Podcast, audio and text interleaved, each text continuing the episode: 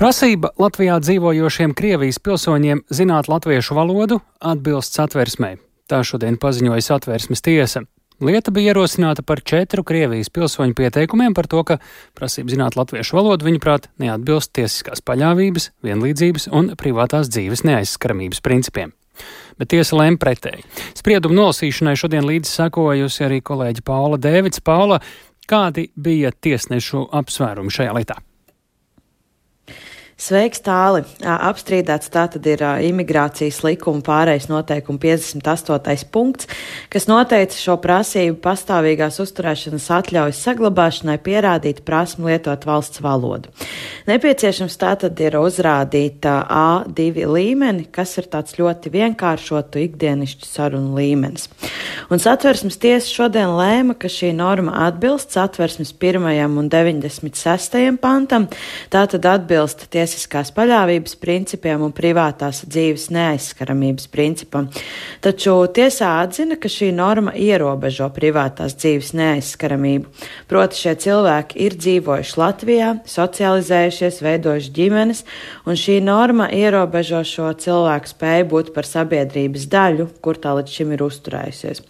Taču vienlaiks tiesā arī vērtē, ka šāds ierobežojums ir samērīgs, ņemot vērā Krievijas uzsākto karu Ukrainā un arī uh, ģeopolitiskos riskus. Uh, tāpat tiesā atzina, ka ierobežojums ir vērsts uz demokrātiskas valsts iekārtas un valsts valodas sargāšanu, un lai nonāktu pie šiem secinājumiem, ir ņemts vērā piemēram arī tas, ka kā Krievija ilgstoši un mērķtiecīgi izvērš informatīvo kāru, izplatot maldus un propagandu, un lielākoties tas pamatā arī notiek Krievu valodā, un līdz ar to šādas latviešu valodas zināšanas šiem cilvēkiem dotu iespēju iegūt informāciju latviešu valodā un tādā veidā samazināt risku kļūt par propagandas upuriem, tā atzina tiesā.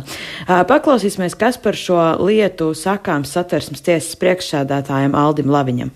Lieta ir būtiska arī ar to, ka tajā tiek skaidrots, ko nozīmē pilsonības jēdziens un ko nozīmē ikviena sabiedrības locekļa izvēle par to, kuras valsts pilsonis viņš būs. Jo pilsonības jēdziens ir nopietns, ikviena cilvēka dzīvē pieņemts lēmums, jo tas parāda, kādu izvēli cilvēks ir izdarījis attiecībā uz to, kurai valstī izrāda lojalitāti, kurai valstī izrāda solidaritāti. Tiesā arī izvērtēja, ka šī apstrīdētā norma ir samērīga, proti noteiktie termiņi ir pietiekami un kopumā ir ir dotas iespējas uh, savas tiesības sargāt un netikt izraidītam no valsts. Um, lietas tiesnese Anita Rodiņa arī uzsvēra, ka pašai personai ir jābūt aktīvai un jāspēr šie nepieciešamie soļi savu tiesību aizsardzībā, un ja to nedara, tad tas uh, viņas prāt liecina, ka personas interese aizsargāt savas tiesības ir samazināta. Tāli. Jā, Paula, uh, ko par šo spriedumu saka pieteikumu sūtītāji, pieteicēji?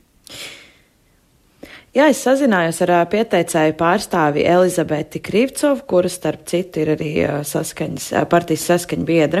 Viņa skaidroja, ka ar iznākumu ir ļoti sarūktināta. Pieteicēji nesot gaidījuši, ka prasība tiks pilnībā apmierināta, bet arī šādu iznākumu neparedzēja.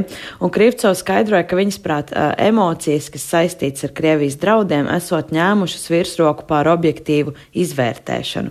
Tātad paklausīsimies viņas viedokli tai lielākai daļai, kas ir visvājākie, veciem cilvēkiem, kas uh, nu, nav tik gudri, nav tik ātri, ne tik labi raksta latviski, viņiem tās risinājuma nav. Viņiem ir tagad tie divi gadi, daži spēs vai nu nokārtot vai dabūt atbrīvojumu, bet būs arī tādi, kas nevarēs izpildīt šīs prasības, un mēs tā vai tam sastapsimies ar um, lielu cilvēku skaitu izrēdīšanu.